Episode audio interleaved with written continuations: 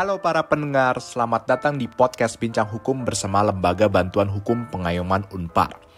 Bagi para pendengar yang baru mendengarkan podcast ini, mungkin ada yang belum tahu tentang Lembaga Bantuan Hukum Pengayoman Unpar. Lembaga Bantuan Hukum Pengayoman Unpar merupakan suatu lembaga yang memberikan konsultasi hukum secara gratis pada masyarakat yang memiliki permasalahan hukum, khususnya masyarakat Kota Bandung. Selain itu, kami juga memiliki beberapa kegiatan rutin yaitu penyuluhan hukum, pelatihan hukum, siaran radio, podcast, konseling hukum, serta rapat kerja tahunan. Bagi para pendengar yang memiliki permasalahan hukum dan hendak melakukan konsultasi, dapat langsung mengunjungi kantor kami di Gedung 2, Ruang 2101, Universitas Katolik Parahyangan dengan jam operasional kami, yaitu hari Senin sampai Kamis pada pukul 9 pagi hingga pukul 4 sore dan hari Jumat pada pukul 9 pagi hingga pukul 3 sore. Selain itu, para pendengar juga dapat berkonsultasi secara daring dengan menghubungi kami melalui email di lbh.pengayoman@unpar.ac.id atau melalui media sosial kami untuk Instagram di @lbhpengayoman, Twitter @lbh_pengayoman, dan Facebook di lbh pengayoman. Informasi lebih lanjut mengenai LBH Pengayoman Unpar dapat diakses melalui www.lbhpengayoman.unpar.ac.id. Nah, kalau begitu tidak perlu berlama-lama lagi, simak podcast berikut ini.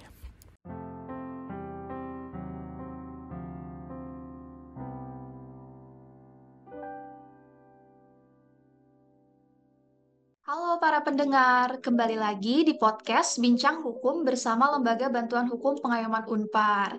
Kenalin, aku Fiska, salah satu relawan LBH Pengayoman Unpar. Kebetulan di episode kali ini adalah kesempatan pertama aku untuk jadi MC di podcast Bincang Hukum. Dan di podcast ini tentunya aku nggak sendirian nih. Aku ditemani oleh salah satu rekanku di LBH Pengayoman Unpar yang sudah cukup berpengalaman sebagai MC di podcast Bincang Hukum, yaitu Karemon. Halo Karemon, apa kabar? Halo Fis, kabarku sih baik banget ya. Kalau boleh tahu gimana nih perasaan kamu jadi MC pertama kali di podcast Bincang Hukum?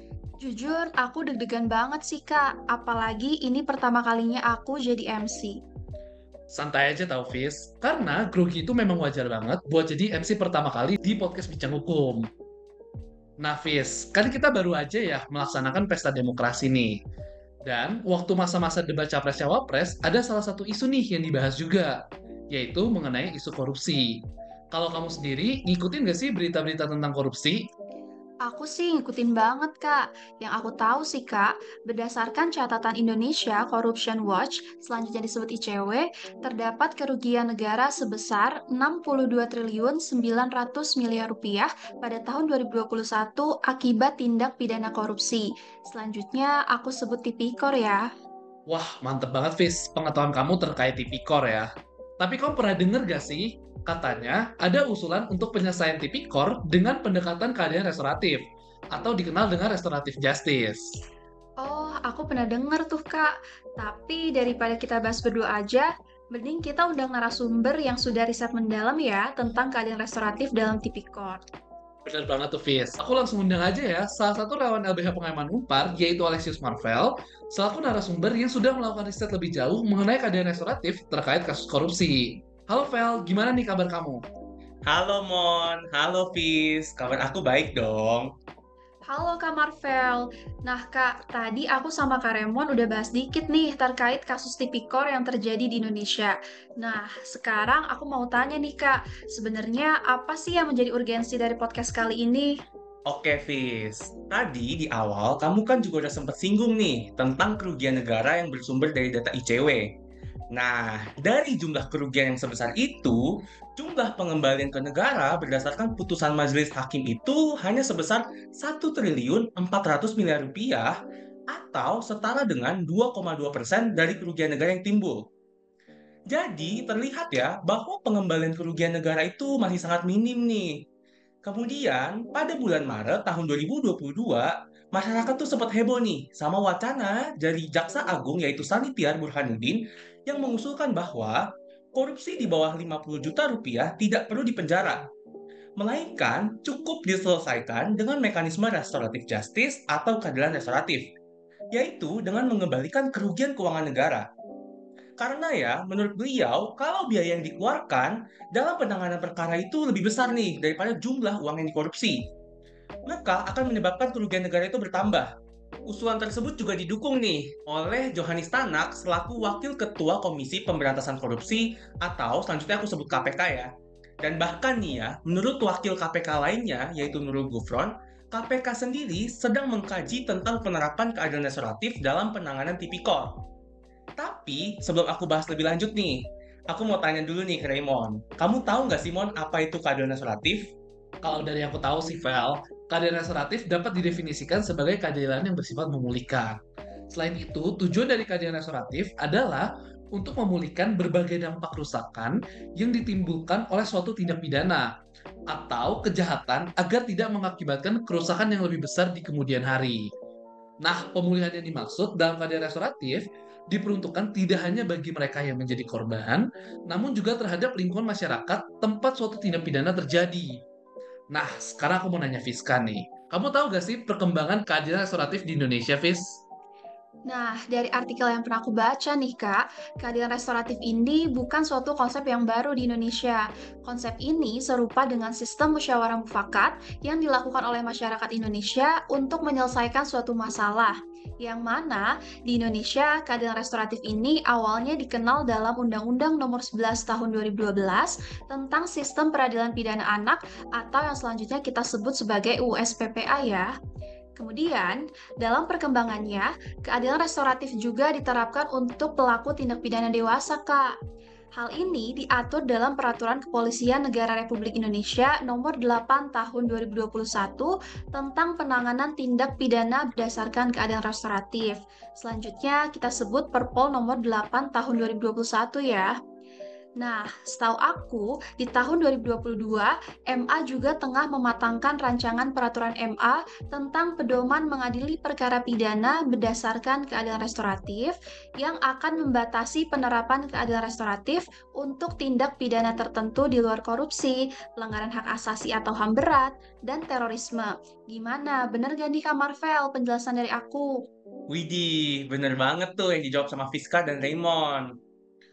Wah, setelah aku dengar penjelasan dari Fiska, aku jadi penasaran nih, Vel. Gimana sih pengaturan lebih lanjut mengenai keadilan restoratif dalam USPPA? Jadi, seperti yang tadi udah dijelasin sama Fiska, bahwa keadilan restoratif itu salah satunya diatur dalam UU SPPA. Nah, tadi Raymond juga sempat singgung nih para pendengar tentang definisi umum mengenai keadilan restoratif. Dalam UU SPPA sendiri, khususnya dalam pasal 1 angka 6 UU SPPA, telah mendefinisikan keadilan restoratif dengan penekanan yang sama, yaitu pemulihan kembali pada keadaan semula dan bukan pembalasan. Selain itu, dalam pasal 5 UU SPPA menyatakan secara tegas bahwa sistem peradilan pidana anak wajib mengutamakan pendekatan keadilan restoratif. Gitu, Mon. Oh, gitu ya, Vel. Tadi aku juga dengar nih, sebelumnya Fiska ada nyebut bahwa pengaturan keadilan restoratif juga diatur dalam Perpol nomor 8 tahun 2021. Nah, karena Marvel udah riset lebih lanjut, kamu tahu dong, Vel, gimana pengaturannya dalam Perpol tersebut? Oke, Mon. Tadi Fiska juga sempat singgung nih tentang peraturan kepolisian yang mengatur tentang keadilan restoratif. Nah, aku bantu jelasin ya kepada para pendengar jadi, Perpol nomor 8 tahun 2021 itu menjadi legitimasi nih buat aparat kepolisian supaya bisa menyelesaikan suatu perkara pidana yang memenuhi syarat tertentu untuk diselesaikan dengan pendekatan keadilan restoratif pada tahap penyelenggaraan fungsi reserse kriminal, penyelidikan, atau penyidikan, Mon. Oh, berarti keadilan restoratif itu ada dua peraturan itu aja ya, Kak? Oh, nggak gitu, Fis. Aku sekalian jelasin kepada para pendengar aja ya. Nah, para pendengar, tadi kan udah disebut nih, dua peraturan yang mengatur tentang keadilan restoratif ya.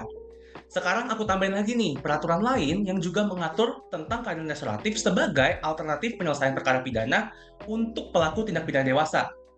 Tapi, bedanya peraturan ini tuh digunain pada tahap penuntutan oleh penuntut umum. Hal ini sebagaimana diatur dalam Peraturan Kejaksaan Republik Indonesia Nomor 15 Tahun 2020 tentang penghentian penuntutan berdasarkan keadilan restoratif.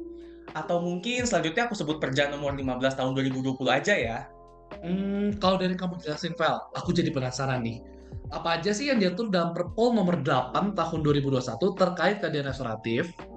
Oke, jadi yang diatur dalam Perpol nomor 8 tahun 2021 itu ada banyak, Mon. Yang pertama adalah terkait dengan syarat penyelesaian perkara pidana melalui keadilan restoratif. Jadi, kalau menurut pasal 3 Perpol nomor 8 tahun 2021 mensyaratkan penanganan tindak pidana berdasarkan keadilan restoratif itu harus memenuhi persyaratan umum dan atau persyaratan khusus. Nah, dalam pasal 4 Perpol nomor 8 tahun 2021, persyaratan umum itu dibagi menjadi dua lagi nih, Mon, yaitu persyaratan material dan formil. Selanjutnya, menurut pasal 5 Perpol nomor 8 tahun 2021, persyaratan material yang dimaksud adalah A. Tidak menimbulkan keresahan dan atau penolakan dari masyarakat. B. Tidak berdampak konflik sosial. C. Tidak berpotensi memecah belah bangsa. D. Tidak bersifat radikalisme dan separatisme. E. Bukan pelaku pengulangan tindak pidana berdasarkan putusan pengadilan. Dan yang paling penting adalah poin F nih para pendengar. Karena dalam poin F ini secara tegas dinyatakan bahwa tindak pidananya bukan tindak pidana terorisme, bukan tindak pidana terhadap keamanan negara, bukan tindak pidana korupsi dan bukan tindak pidana terhadap nyawa orang. Nah, kalau tadi aku udah jelasin nih tentang syarat material, sekarang aku mau tanya nih ke Fiska. Kalau kamu tahu nggak sih syarat formil yang diatur dalam Perpol nomor 8 tahun 2021 ini apa aja ya? Nah, aku pernah baca nih Kak, kalau untuk syarat formilnya itu diatur dalam pasal 6 ayat 1 Perpol nomor 8 tahun 2021, yaitu perdamaian dari kedua belah pihak, kecuali untuk tindak pidana narkoba, dan pemenuhan hak-hak korban dan tanggung jawab pelaku, kecuali untuk tindak pidana narkoba. Bener nggak Kak Marvel? Widih, bener banget, Fis. Tapi ada juga nih, satu syarat lainnya yang diatur dalam Perpol nomor 8 tahun 2021, yaitu persyaratan khusus. Tapi perlu diingat ya para pendengar, bahwa persyaratan khusus ini hanya berlaku untuk penyelesaian perkara tindak pidana informasi dan transaksi elektronik, narkoba, dan lalu lintas yang menggunakan pendekatan keadilan restoratif. Nah, karena konsep dari keadilan restoratif itu pemulihan, jadi pemulihan sebagai pemenuhan hak korban ini merupakan bentuk tanggung jawab dari pelaku. Bentuk pemulihan terhadap korban itu sendiri diatur dalam pasal 6 ayat 3 Perpol nomor 8 tahun 2021 yaitu dapat berupa mengembalikan barang, mengganti kerugian, menggantikan biaya yang ditimbulkan akibat tindak pidana, dan atau mengganti kerusakan yang ditimbulkan akibat tindak pidana. Gitu, Fis. Oh, paham Kak. Kalau dari yang Kakak jelasin sebelumnya, aku jadi penasaran nih, gimana sih pengaturan keadilan restoratif dalam Perja nomor 15 tahun 2020 itu ya Kak? Nah, mungkin aku bantu jelasin ya, Fis. Jadi, dalam Perja nomor 15 tahun 2020 juga mengatur mengenai syarat penyelesaian perkara berdasarkan keadilan restoratif. Dalam pasal 5 ayat 1 Perja nomor 15 tahun 2020, perkara tindak pidana dapat ditutup demi hukum dan dihentikan penuntutannya berdasarkan keadilan restoratif dalam hal terpenuhi syarat sebagai berikut. Yang pertama, tersangka baru pertama kali melakukan tindak pidana. Yang kedua, tindak pidana hanya diancam dengan pidana denda atau diancam dengan pidana penjara tidak lebih dari lima tahun. Dan yang ketiga, tindak pidana dilakukan dengan nilai barang bukti atau nilai kerugian yang ditimbulkan akibat dari tindak pidana tidak lebih dari Rp2.500.000. Nah, tapi beberapa syarat tersebut dapat dikecualikan dalam beberapa tindak pidana.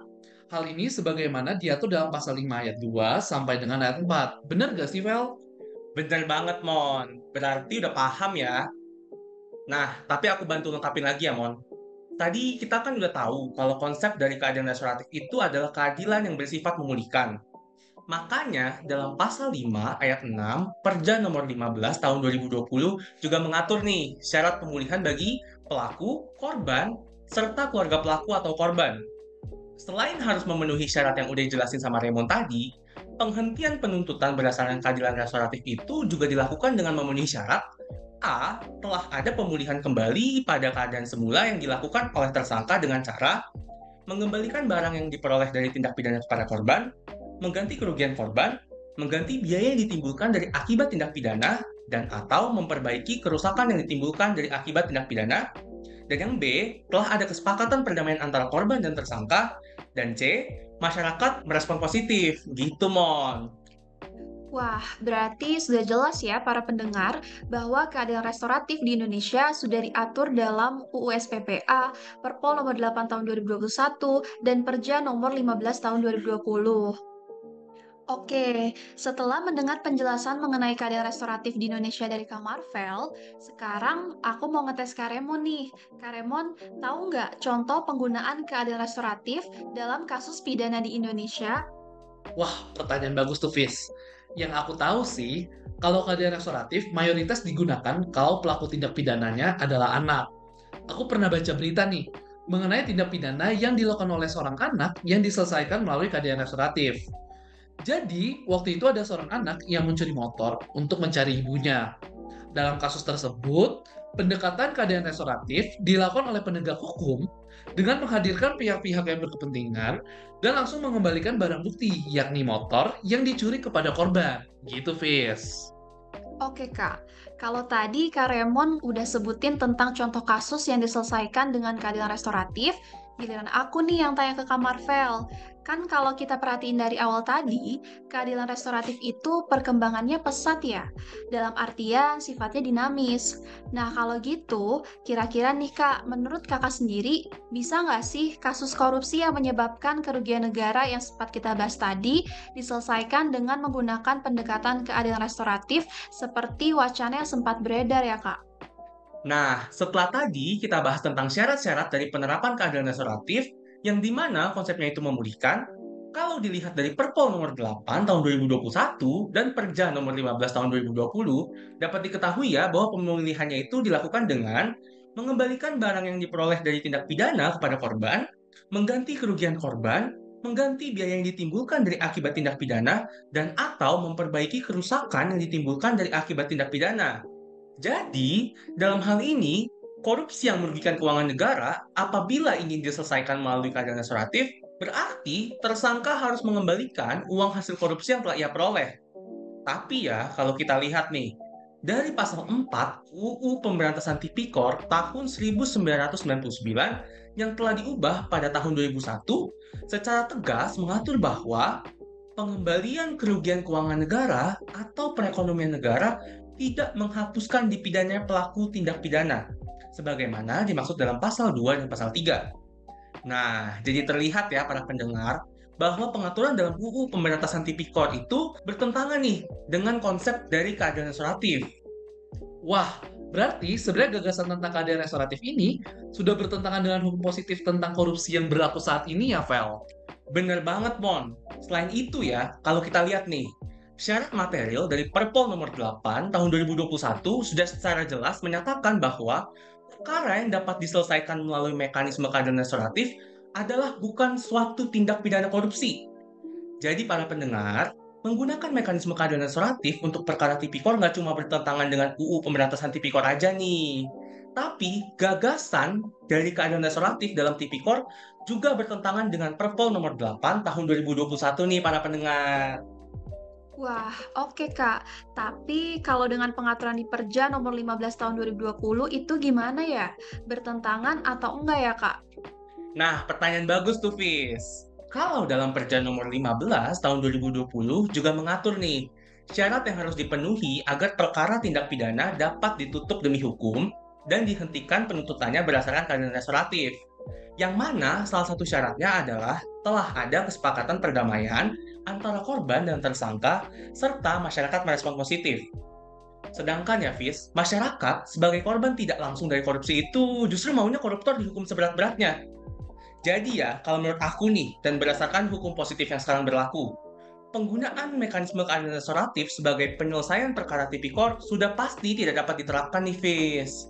Oke para pendengar, jadi dapat ditarik kesimpulannya bahwa sejatinya wacana tentang keadilan restoratif dalam kasus tipikor ini sudah bertentangan dengan banyak hukum positif di Indonesia ya. Mulai dari UU Pemberantasan Tipikor, Perpol nomor 8 tahun 2021, sampai dengan Perja nomor 15 tahun 2020. Nah, oke, kita lanjut ya. Kalau dari pengamatanku ya, Vel, kita bisa lihat bahwa sanksi yang diberikan kepada pelaku tipikor adalah sanksi pidana seperti penjara, denda, dan uang ganti. Tapi menurutmu, Vel, apakah pemberian sanksi pidana berupa penjara, denda, dan uang pengganti ini dapat memberikan efek jerah kepada pelaku tipikor di Indonesia ya, Vel? Nah, gini Mon, kalau dari yang aku teliti nih, sebenarnya pengaturan sanksi dalam UU Pemberantasan Tipikor yang dimiliki Indonesia itu udah maksimal banget loh. Yang di mana penjatuhan pidana terhadap pelaku sebagai pembalasan atas perbuatannya dapat berupa pidana mati, pidana penjara, pidana denda, dan pidana tambahan berupa uang pengganti. Kalau menurut aku sih ya, Mon, itu seharusnya bisa memberikan efek jerah bagi para pelaku tipikor loh. Cuma ya, yang menjadi masalah itu adalah penegakan hukum dari UU Pemberantasan Tipikor itu masih ada kelemahannya, Mon. Wah, kalau boleh tahu apa aja sih kelemahannya, Vel? Ya, seperti yang kita tahu nih, Mon. Banyak terpidana korupsi yang lolos dari jeratan hukum. Dan bahkan ya, kalaupun di antara mereka ada yang difonis bersalah, jumlahnya itu masih relatif sangat kecil. Selain itu ya Mon, sanksi yang diberikan juga dinilai relatif sangat ringan dan tidak sebanding atau tidak sesuai dengan perbuatan kejahatannya. Jadi para pendengar dapat dilihat ya, kalau pola penegakan hukum pidana korupsi di Indonesia masih belum dapat terlaksana dengan optimal. Hal ini dikarenakan masih terdapat beberapa kelemahan serta permasalahan seperti terdapat tumpang tindih regulasi dalam pengaturannya, kualitas peradilan masih belum maksimal, sistem pengawasan kinerja para penegak hukum untuk memberantas tipikor masih belum terintegrasi dengan baik, dan penjatuhan sanksi pidana untuk para koruptor tidak tegas. Sehingga hal ini tidak menimbulkan efek jerah bagi para pelaku tipikor nih, Mon. Bentar, Vel. Tadi kamu sempat bilang kalau sanksi yang diberikan kepada koruptor itu tidak sebanding dengan kerugian yang ditimbulkan ya. Kalau boleh tahu, sanksi yang tidak sebanding itu gimana sih, Vel? Oke, Mon. Aku kasih contoh kasus aja ya.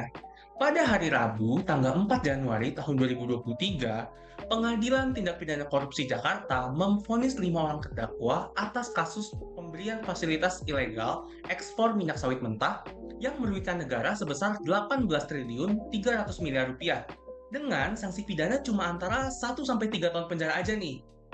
Yang di mana vonis itu jauh banget mon sama kerugian yang ditimbulkan dan tuntutan jaksa penuntut umum.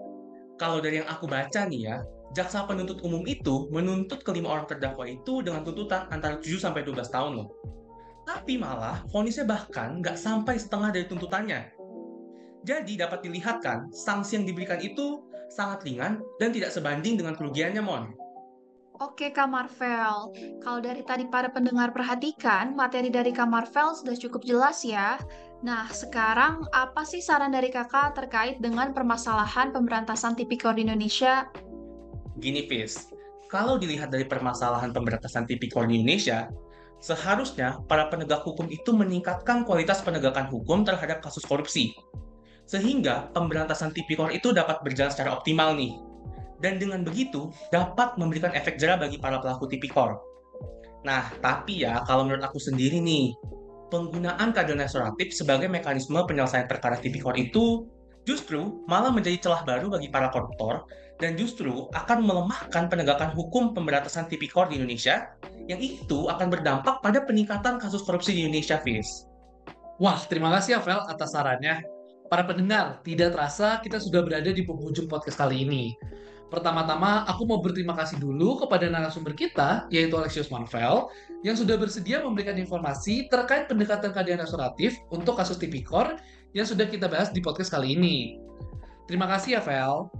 Tidak lupa, aku juga mau berterima kasih kepada partner aku di sini, yaitu Fiska, yang telah menemani aku di sepanjang podcast kali ini. Terakhir, aku juga mau ngucapin nih terima kasih untuk para pendengar yang sudah setia mendengarkan podcast Bincang Hukum ya. Semoga episode kali ini bermanfaat ya untuk para pendengar.